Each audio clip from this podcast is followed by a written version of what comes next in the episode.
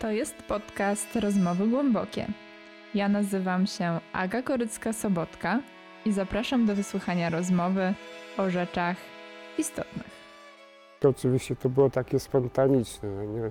ratowanie człowieka, że wtedy to nie było miejsca, że żałowałbym czy coś, tylko takie żałowanie zaczęło się po czasie, no nie? Podróż po Ziemi to jeden ze sposobów życia ludzkiej duszy. Wyruszmy zatem w nieznane, żeby odkryć nowy ląd, zejść do głębi problemu, by dotrzeć do istoty rzeczy.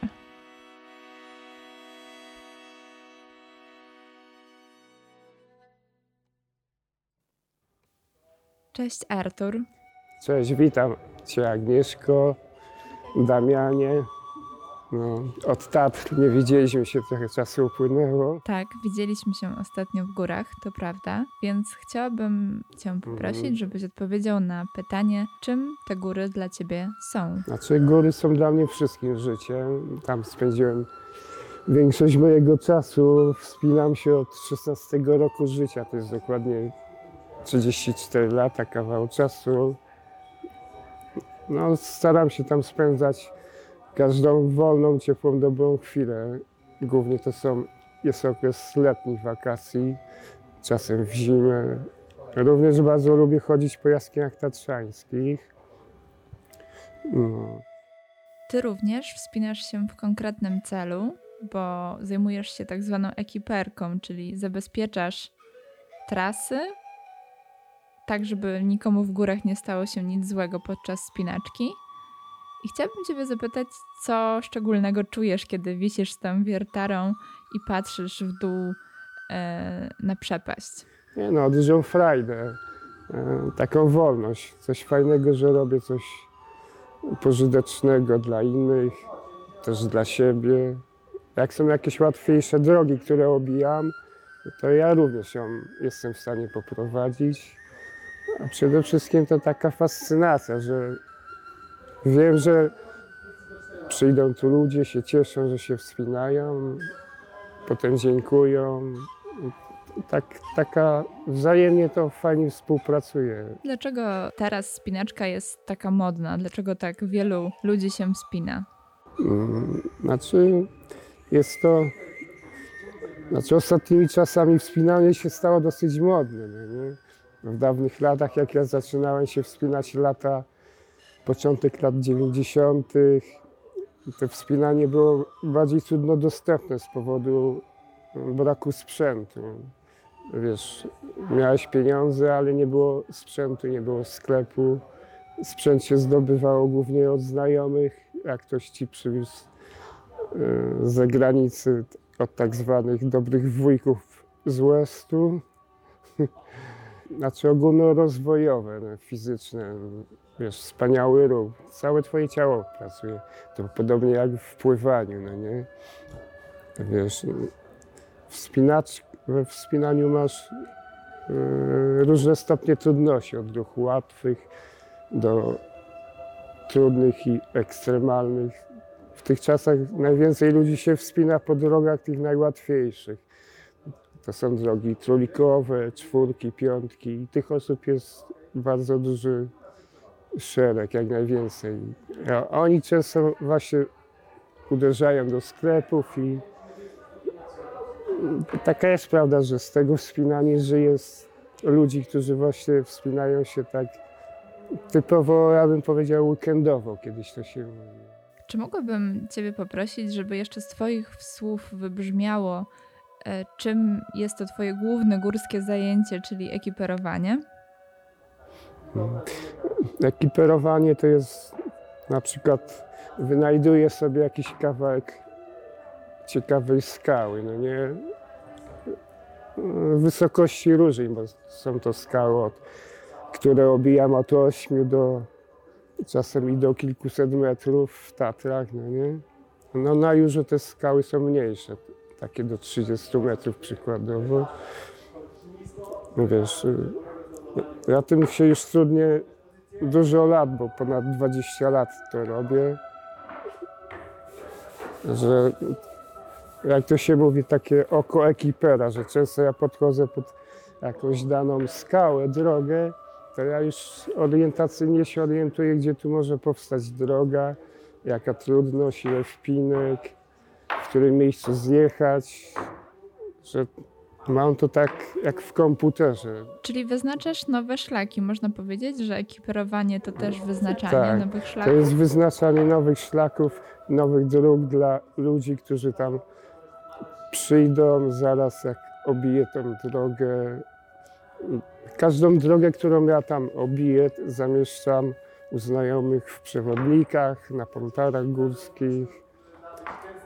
Że to jest takie ogólno potem znane w świecie. no. Guma zdradził mi sekret, że teraz pracuje nad przewodnikiem, który zawierałby wszystkie trasy z równie wymyślnymi nazwami. Więc Artur, czy mógłbyś powiedzieć coś więcej o tym projekcie? Tak, dokładnie. Od jakiegoś czasu składam taki swój własny przewodnik.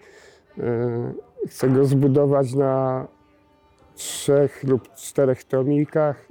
Pierwszy tomik to będzie zawierał skały Jury, kolejny to yy, Tatry, kolejny tomik Szczytnik, Karpatos.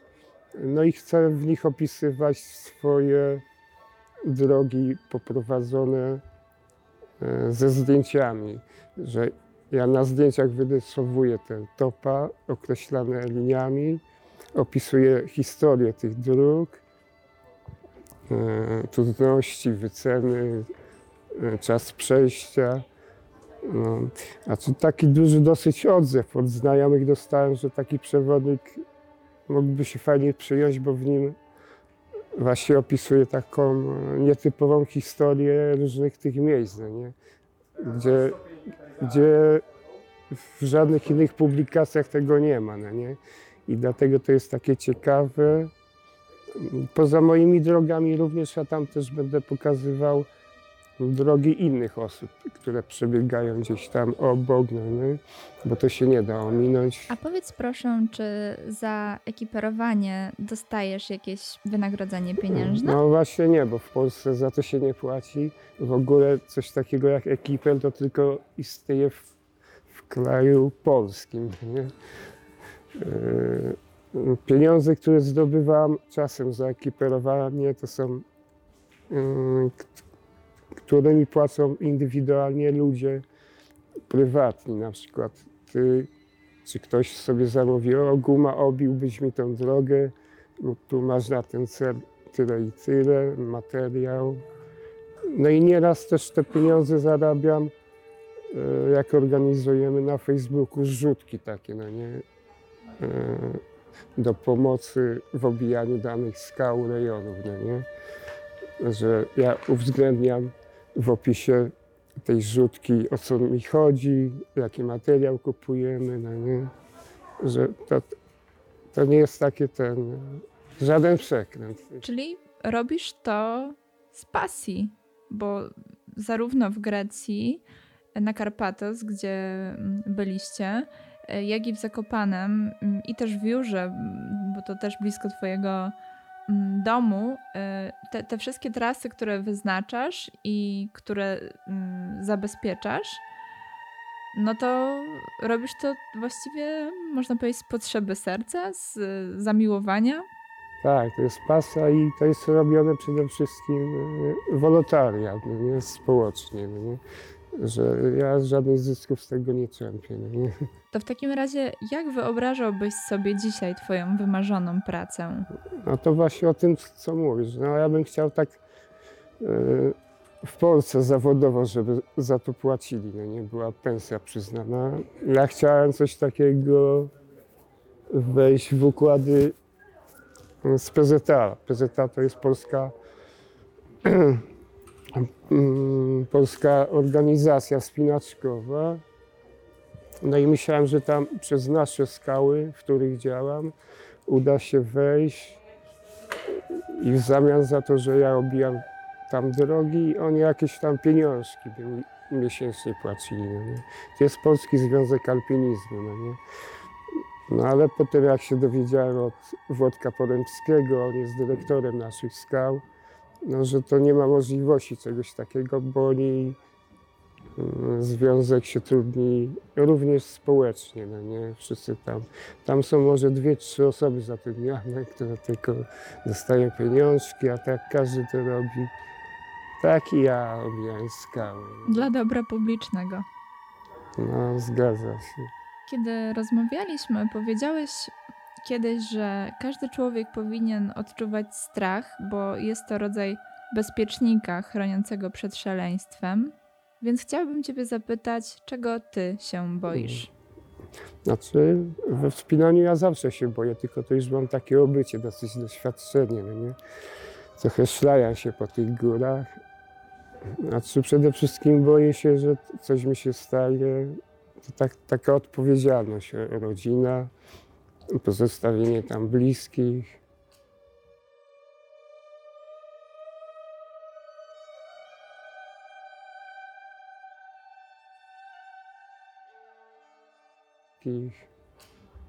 No, takie myśli chodzą po głowie, no nie? No i bólu też, no nie? Jak gdzieś tam lecisz w tej próżni, uderza się gdzieś półka po półce. No, chyba takich rzeczy bardziej się boję. Bo tak naprawdę śmierci to ja się nie boję, no nie? Czy można powiedzieć, że przed czymś uciekasz w te góry? Yy, Znaczy, no można by powiedzieć, że tak, uciekam przed samotnością, no nie? bo często ludzie są samotni, ja się czuję samotnym, a skały, góry to mi wypełniają, że tak się tam czuję luźnie, raźnie, nie?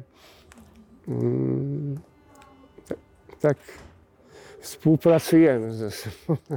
Jak byłeś w Grecji, to powiedziałeś, że bardziej boisz się chodzić po ulicy, po chodniku, niż wspinać na skałkach. Co miałeś na myśli? Mhm. No, w Grecji bardzo te skały są takie charakterystyczne z powodu logi, logistycznego, ponieważ są bardzo ostre formacje tych skał, no nie? One tak tną liny jak żyletka, no nie? Bardzo trzeba uważać, wszędzie podkładać y, jakiś materiał, co się ma przy sobie, plecaki, cokolwiek pod linę. Ja już nie jedną tak linę przeciąłem na Karpatos. No tak, ale dlaczego powiedziałeś, że boisz się chodzić po chodniku, skoro to zagrożenie jest w skałkach, jak Mhm. mówisz, jeszcze większe? A nie wiem, no jakoś w pionie czuję się bardziej pewnie i bezpiecznie niż na ziemi, no nie? No po ulicach też dziwni ludzie chodzą, czasem ktoś ci coś tam strzeli w głowę i tak. Nie no, wolę jednak w pionie istnieć, lepiej się tam czuję, no nie? No tak, jak wisisz, to patrzysz na wszystkich z góry. Tak, no lepiej to widać, tak. tak. Słuchaj, wspomniałeś trochę o samotności, więc chciałabym Ciebie zapytać o Twoją partnerkę, z którą byłeś, zdaje się, 3 lata. Mówiłeś, że pomagaliście sobie w trudnych chwilach. Ty, jak O, mówiłeś, tak. pomagałeś jej, ona po wypadku Tobie, więc jeżeli mogę o to zapytać, to powiedz, co stało się, że jednak się rozstaliście. Mm. To był taki okres trzyletni, że byliśmy z sobą, poznaliśmy się. No, dajmy na to na fejsie, no nie? O, sorry, tylko wyłączę to moment. Okej. Mm. Wiesz, ja się poznałem, no, dziewczyna ma na imię Ela, no nie? Ona też miała bardzo takie problemy ze sobą, no nie? E, że tak powiem, rozwiedzioną kobietą była, potrzebowała jakiejś przyjaźni, ja również, że nie. No i tak jakoś się tam spyknęliśmy. E, Spotkaliśmy się pewnego dnia, dzwoniliśmy się w skałach pod, Olsz- po, pod Częstochową w Olsztynie. No i tak to pomału fajnie się zaczęło rozkręcać, że nad szybko. Nie?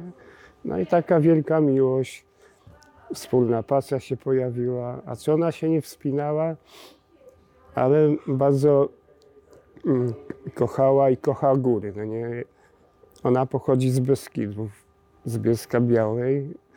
Wiesz, ona mnie ciągła w swoje tereny Beskidy, a ja ją porywałem znowuż w Tatry, no nie? Że to takie fajne było i, i w skały Jury, no nie? No, Pokazywałem różne takie proste elementy wspinania, na których wiedziałem, że ona sobie poradzi. Do jaskiń ją zabierałem, no nie? Nic trudnego, no nie? Takie wszystko takie było pod opieką, wiedziałem, że sobie da rady. No, dbałem o nią. Na sprawa, że się rozeszliśmy, to ona po prostu kiedyś powróciła do swojego dawnego partnera. No tak bywa. No, no a potem z nią kiedyś rozmawiałem, że niby chciała powrócić, ale dziewczyny unoszą się ambicjami też, bo tak mają i tak jakoś to nie mogliśmy się dogadać, że nie.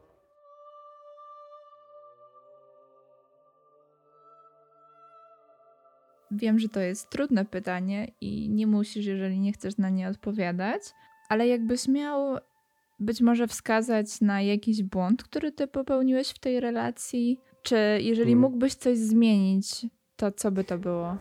Znaczy na pewno też takie to błędy takie e, zwyczajne były, na przykład, że ja też bym nie mógł zmienić swojego życiu, trybu życia, na przykład przeprowadzić się gdzieś tam do Bielska, no nie, sobie tego nie wyobrażam, no nie, wynieść się gdzieś z Jury, a po prostu tam bym się zanudził chyba, wiesz, być może byśmy się ożenili, żona w pracy, a- co ja tam bym porabiał, no nie?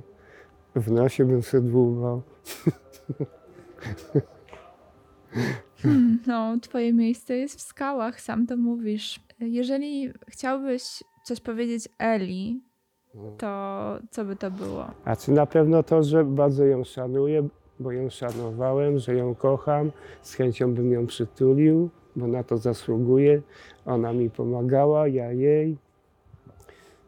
Bardzo chciałbym, żeby się trzymał nasz kontakt, no ale jakoś Ela tego unika, bo ma swojego partnera. Nie wiem, jak sobie żyją teraz.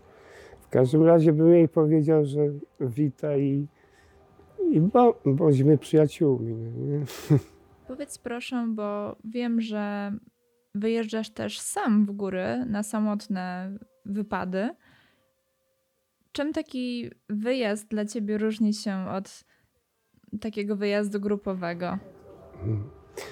A czy tak, ja dużo lubię samotnie się wspinać od dawnych lat. Yy, Dużo samotnie w Tatrach się wspinałem po wielkich ścianach, zimą i latem.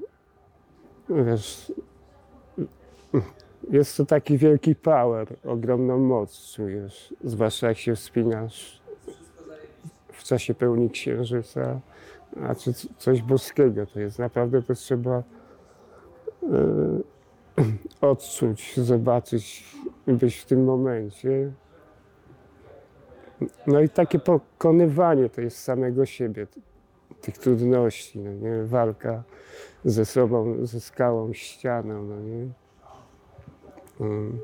Wiesz, że w razie czegoś, no to tylko możesz liczyć na siebie, no nie? Rzadko wchodzą gdzieś e,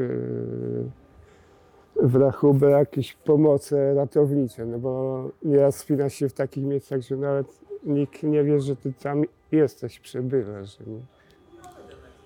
Nawet na Karpatos, no nie? Okej, dochodzimy tutaj do takiego tematu, jakim jest terapeutyczna rola gór. Widoczny jest tutaj ten wpływ zarówno na ciało, jak i na ducha. Jaką terapię tobie zafundowały góry? Tak. E, No ja mam ten uraz kręgosłupa, wyrwane e, nerwy ścięgna z kręgosłupa. I tak naprawdę taką moją rehabilitacją, którą też i polecają różni znani wspinacze, moi przyjaciele, to taki po prostu ruch wspinaczkowy, który ja oczywiście też najlepiej odczuwam i to potwierdzam. Bo ja też różnych masę terapii y, odbywałem i odbywam. Dzisiaj w Warszawie również się pojawiła nowa, świetna koncepcja, z której będę korzystał, ale tak naprawdę najświetniejsza rehabilitacja jest taka twoja ruchowa, bo to współpraca z mózgiem jest, z twoim ciałem. Zawsze ta ręka niewładna, ona coś się porusza, te mięśnie działają, nie? Że to jest pomocnicze jak najbardziej. Jestem za tym i stawiam na taką rehabilitację niż na taką wciskaną ci w, w przychodni u lekarza, a pomachaj sobie pan rączką. Może kiedyś za 100 lat panu zdrowieje. Poruszyliśmy już co prawda temat rehabilitacji, rekonwalescencji, ale chciałabym wrócić jeszcze na moment do tej chwili wypadku, bo byliśmy tam razem pod tą skałą, gdzie twoje życie się rozsypało i to, co dla nas, dla mnie i dla Damiana, który był, był tam z kamerą, ważne było to, że ty wracasz do tego miejsca jak do źródła prawdziwej siły, bo wszystkie inne góry, które Tak, tak. wyrastają na twojej drodze, już nie są tak potężne jak ta, która nieomal cię nie zabiła, Mhm. Z której wtedy spadłeś, ratując życie twojemu towarzyszowi, który się z tobą wspinał. Mimo to powiedziałeś, że żałujesz tej decyzji. Dlaczego? Znaczy wtedy w danej sytuacji to oczywiście to było takie spontaniczne, no nie? ratowanie człowieka, że wtedy to nie było miejsca, że żałowałbym czy coś, tylko takie żałowanie zaczęło się po czasie, no nie?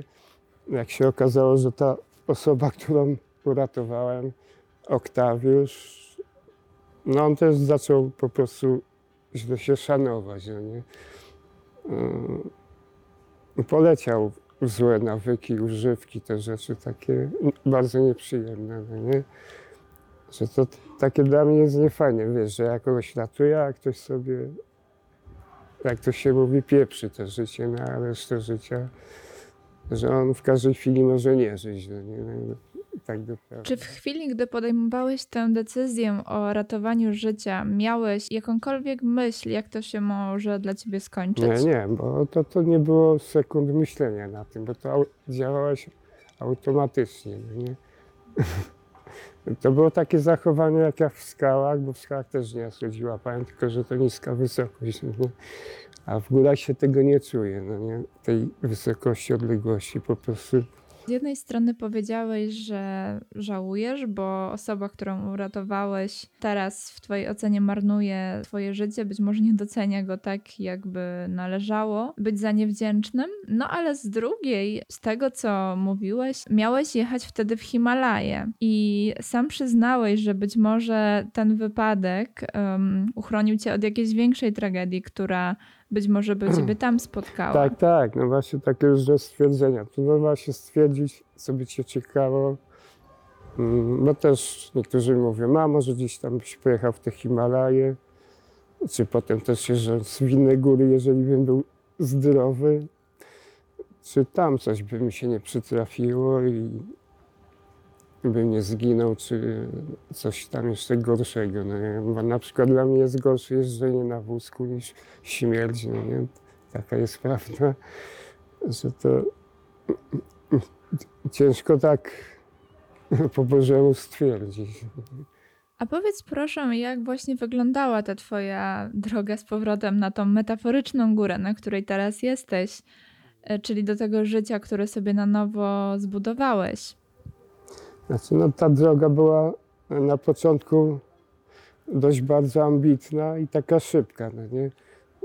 No bo ciekawi lekarze się pojawiali z dobrymi pomysłami, rehabilitanci też, że, a że to szybko przejdzie 3-5 lat, będzie pan sprawny, wspinał się dalej. Te lata pomału mijały, moja poprawa fizyczna zbytnio z tą ręką się nie poprawiała, no nie? No i ja się też tak zaczynałem podłamywać, no nie? Że też miałem swoje wielkie, ogromne załamania, że uciekałem w różne takie czarne dziury, powiedzmy, no nie? A czym były te czarne dziury?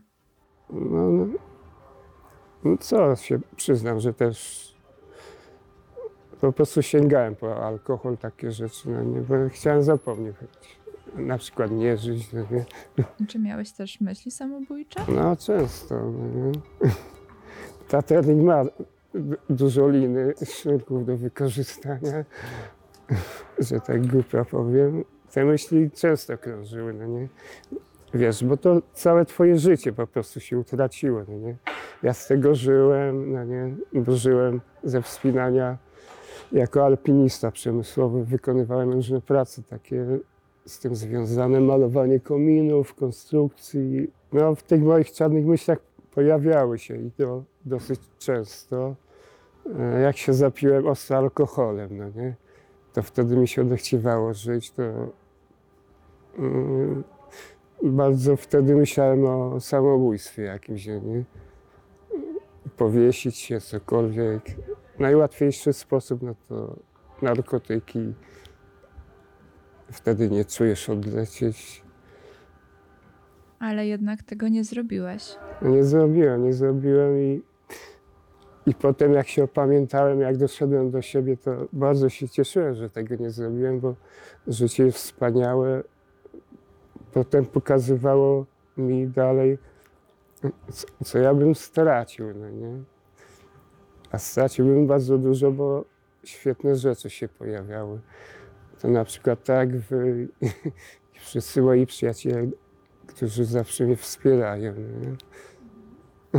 A powiedz, jak już byłeś w tej czarnej dziurze, to co cię powstrzymywało? Jaka myśl jednak nie pozwalała ci przekroczyć tej granicy? Nie, no to, znaczy to były takie myśli, że o, ja sobie coś zrobię, rano wejdzie mama do pokoju, a ja będę nie żył. no Nie? No to takie chyba najbardziej było przerażające i okrutne. no? Ja już nie myślałem o sobie, tylko o rodzinie, o mamie. No nie? Bo po prostu mama by zawału dostała. nie? To ja wiem. Rodzice bardzo mnie wspierają. Jakby nie oni, to ja nie wiem, co bym ze sobą poczuł. no Nie? No właśnie, bo ty w każdej wypowiedzi wspominasz o ważnej roli rodziny, rodziców, twoich znajomych i przyjaciół. Więc chciałabym ciebie zapytać, w jaki sposób powinno się pomagać takim osobom jak ty, żeby nie wywoływać u nich takiego poczucia litości, którego często nie lubią? Mhm. A po prostu fajnie pogadać y, z człowiekiem po przyjacielsku, nie? Mm. No, zrobić jakiś dobry uczynek, no nie? Na przykład czy nawet się ze mną wybrać gdzieś w skały, w góry, porozmawiać, no nie? Mm. Że z, z chęcią z taką osobą wybrałbym się na wspinanie, no nie? No, cokolwiek fajnego. No, byle to nie było męczące dla żadnych ze stron. no Nie? Czy zgadzasz się z tym, czy miałeś takie doświadczenie, że też trzeba się nauczyć przyjmować pomoc? Powiedzieć sobie, dobra, teraz jestem być może słabszy niż kiedyś, ale są dobrzy ludzie, którzy chcą mi pomóc, więc może powinienem się na nich otworzyć. Tak, ja całymi latami się tego uczyłem, bo na początku to jeszcze takim ważniakiem, że a co, co rady nie dam. Jeszcze lekarze też się okłamują, a na pewno sobie pomogę i tutaj nie zawracajcie mi dupy, że ja to sobie ogarnę, no nie. Wiesz, i tak z, z roku na rok ten czas bardziej tak ujawniał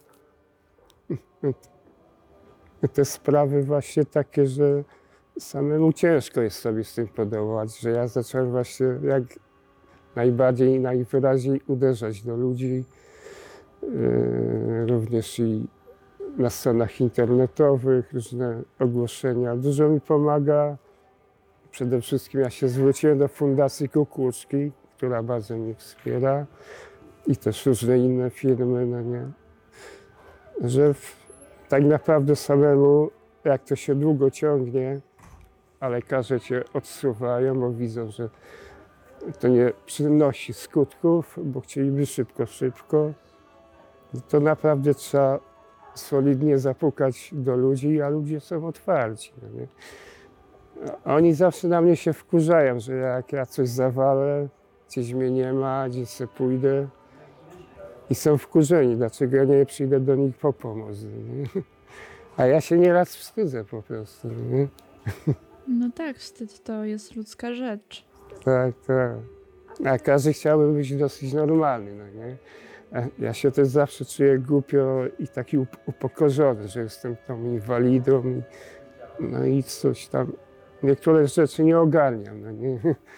No ale jednak trzeba się na tę pomoc otwierać. No jak najbardziej. No bo się nie otworzy, jesteś samemu, to... A to taka czarna rozpacz potem. A czy te twoje problemy alkoholowe, o których wspomniałeś, pojawiły się dopiero po wypadku, czy miałeś je już przed nim? Nie, one się pojawiły po wypadku, no nie? No bo to stres, depresje, to na to wpłynęło, no nie? No, takie moje solidne załamanie to było, no nie? Wiesz, ja wcześniej byłem solidnym, no cały czas siedziałem gdzieś w górach i ciągle gdzieś tam wisiałem na wysokościach, że ja nie miałem czasu yy, butelkami w pierdołach się zajmować. Musiałem uważać, kontrolować się. Nie? A czy mogę cię zapytać, co się stało, że nie przyjechałeś do Grecji? To znaczy, ostatecznie przyjechałeś, ale nie w umówionym terminie. Mhm. A ja też trochę już tej Grecji też już trochę mam przesyt. Już to był mój siódmy wyjazd, no nie? Też takie tam układy te międzyludzkie, tam z Piotkiem, no nie? No ja też tam jakieś doły mnie załapywały, jak się nie mogliśmy dogadać, to też tam sięgnąłem po jakiś winiacz i też po prostu zapiłem, no nie? No i on też na to na mnie był wściekły, no nie? Mhm. No ja też mam dużo swoich różnych tutaj rzeczy po Polsce, w skalach, w Tatrach. I oni często się wiążą z wyjazdami akurat na Karpatos, no nie? No, a poza tym ja mam stresa podróżować, no nie? Lotniska, te rzeczy, to, to od razu mi się niedobrze robi. Nie wiem, ale tak mam. Może to też dlatego się wiąże, że się bałem przyjechać do tej Pragi i wtedy nie, po, nie polecieliśmy. No. Ale kto wie, może jeszcze poleciłem na ten Karpatas, cho- chociaż Piotrek jest tak obrażony, że mi tego nie wybaczy. Jakie jest twoje największe marzenie? Jakie miałeś przed wypadkiem? Czy ono się zmieniło po? Jakie masz teraz? Mm. No, znaczy no marzenie to zacznę od tyłu, że te marzenie są fajnie, żeby wyszedł ten film, pojawił się gdzieś tam w świecie. E, już bardzo dużo ludzi o nich wie, każdy chce go zobaczyć. E, moim takim marzeniem, co, poznawać przyjaciół, mieć fajną sympatię, no nie, kogoś kochać, nie? To takie chyba najważniejsze. Szczere do bólu. Przed wypadkiem?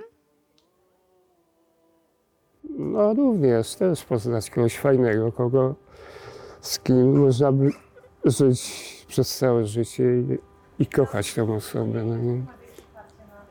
No Przeważnie takie rzeczy się kończyły dość na takich oszukiwawczo, że jeden oszukiwał drugiego. No nie? Mm. Artur, teraz już możesz z pewnością spojrzeć z dystansem na swoje życie. Jak sobie tak na nie patrzysz, spoglądasz wstecz, to jak tłumaczysz sobie sens tego wszystkiego, co cię spotkało? Mhm. Znaczy na pewno to ma sens jakiś, to co zaszło, cały ten wypadek, y, na pewno się przyczynił do tego, że poznano no, wiele ciekawych osób, przyjaciół, rozwój, no nie? Przede wszystkim mój y, y, jak to ten Znaczy, że zacząłem się lepiej rozwijać przy tym poznawaniem wielu przypadków, poznawanie też ludzi, które, którzy też ma, mają podobne przypadki jak ja i jak oni sobie z tym razem, nie, co w ich przypadkach to nie wyglądało za ciekawie. A wspominałem też tam kiedyś, że sprawy samobójcze nieraz się kończyły. No nie? Ciężko z tobie, bo oni sami zostawiali sobie. Jak sam sobie zostaniesz, to za nic w świecie sobie nie pomożesz. No nie? właśnie, znów wracamy do tej roli przyjaciół, ludzi bliskich, rodziny. Jak określasz ich rolę? Bardzo duże, wielkie znaczenie to ma. No. Jeżeli otoczenie, przyjaciele, wszyscy znajomi, których lubisz, są za tobą, to bardzo pomaga. Oni w ciebie wierzą. Jak cię zostawią, jesteś takim sam. Po prostu leżysz na ulicy, no nie? jak to w filmach amerykańskich. No nie? Wyciągasz rękę, daj pan grosza na wino, no nie? Że to jest bardzo ważne, być przy kimś i z nimi, no nie? trzymać się razem, być w tym środowisku. Dlatego właśnie tak ja ekiperuję, chodzę po górach, to co robię, to się skupiam właśnie jak najbardziej trzymając się tego środowiska, bo wiem, że jak ja się od tego odsunę, to ludzie też się odsuną ode mnie. No? Czy zgodziłbyś się z takim stwierdzeniem, że być może Twoim dużym szczęściem w życiu było i jest to, że zawsze ktoś przy Tobie był? Otaczałeś się przyjaciółmi, ludźmi, którzy Cię wspierali? Znaczy, no potwierdzam Twoje słowa, że e, przeważnie właśnie ktoś tam przy mnie był, ktoś bliski, pomagał mi, wspomagał, no nie? No chyba, że jechałem sam na wspinanie, to inna sprawa. A tak to zawsze jest ten fakt i szczęście, że się składa, że mam na kogo liczyć. No? Kto w tych trudnych chwilach był dla Ciebie najbliższy? No rodzice i przyjaciele. Mam kilku fajnych super kumpli i też koleżanki. Zadałabym Ci jeszcze takie pytanie, które mnie osobiście bardzo ciekawi. W jakim momencie po wypadku poczułeś, że warto iść dalej? Znaczy tak naprawdę po wypadku to ja już zaraz po wyjściu ze szpitala, po zabiegu we Wrocławiu, po moim przeszczepie łydkowo-tu piersiowym, już jeździłem w skały, się wspinałem na wędkę z chłopakami.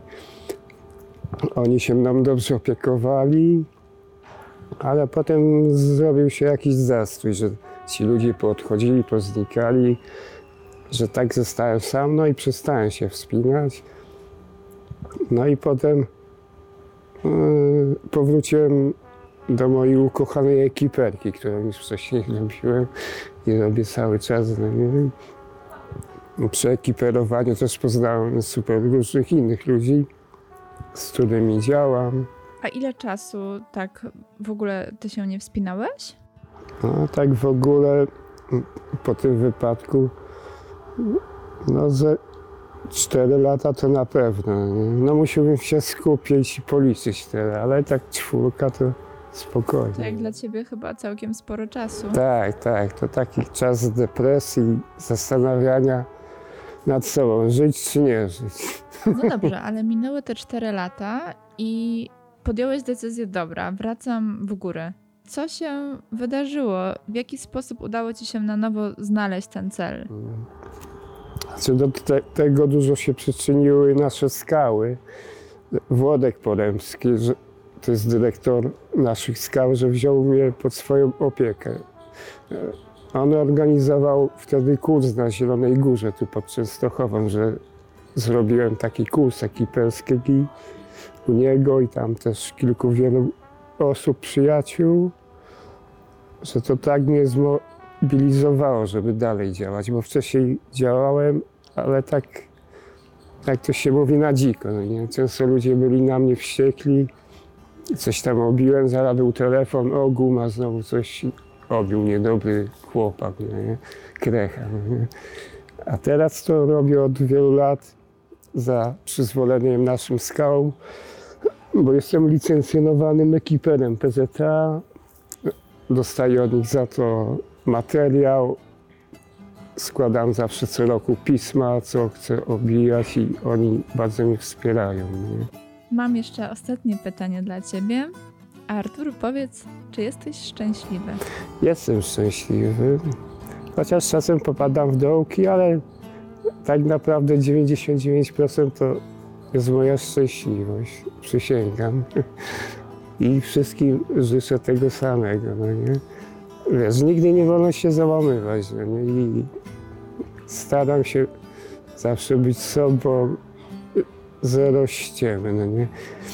A tą szczęśliwość dają mi właśnie te zwykłe kamienie, skały, góry, no nie? To jest fajne, to kręci, nie? Tam są dobrzy ludzie i oni wspomagają. Przedstaw się na koniec. No. No, cześć, witam Was wszystkich. Z tej strony Artur Pierzchniak. Pozdrawiam Was z Warszawy. W tej chwili jesteśmy tutaj na bulderowni Volt Plus, tak to się nazywa. Zimno tu. Ja kiedyś też chodziłem na bulderownię i zawsze mi było zimno. Na bulderownię ja zawsze mówiłem lochy, no nie? Artur, bardzo Ci dziękuję za rozmowę. No, dziękuję Wam wszystkim i pozdrawiam Was wszystkich, chłopaki i dziewczyny. Jedziemy w skały, idzie wiosna.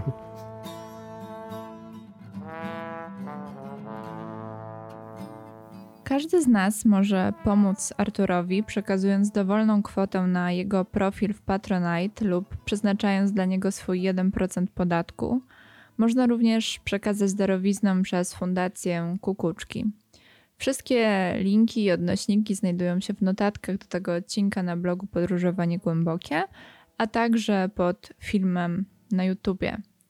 Będę bardzo wdzięczna za subskrypcję kanału Podróżowanie Głębokie na YouTubie, ocenę podcastu Rozmowy Głębokie w aplikacjach podcastowych, notatki do odcinków podcastowych, jak również same podcasty są także do odsłuchania i często przeczytania w literackiej wersji na blogu Podróżowanie Głębokie.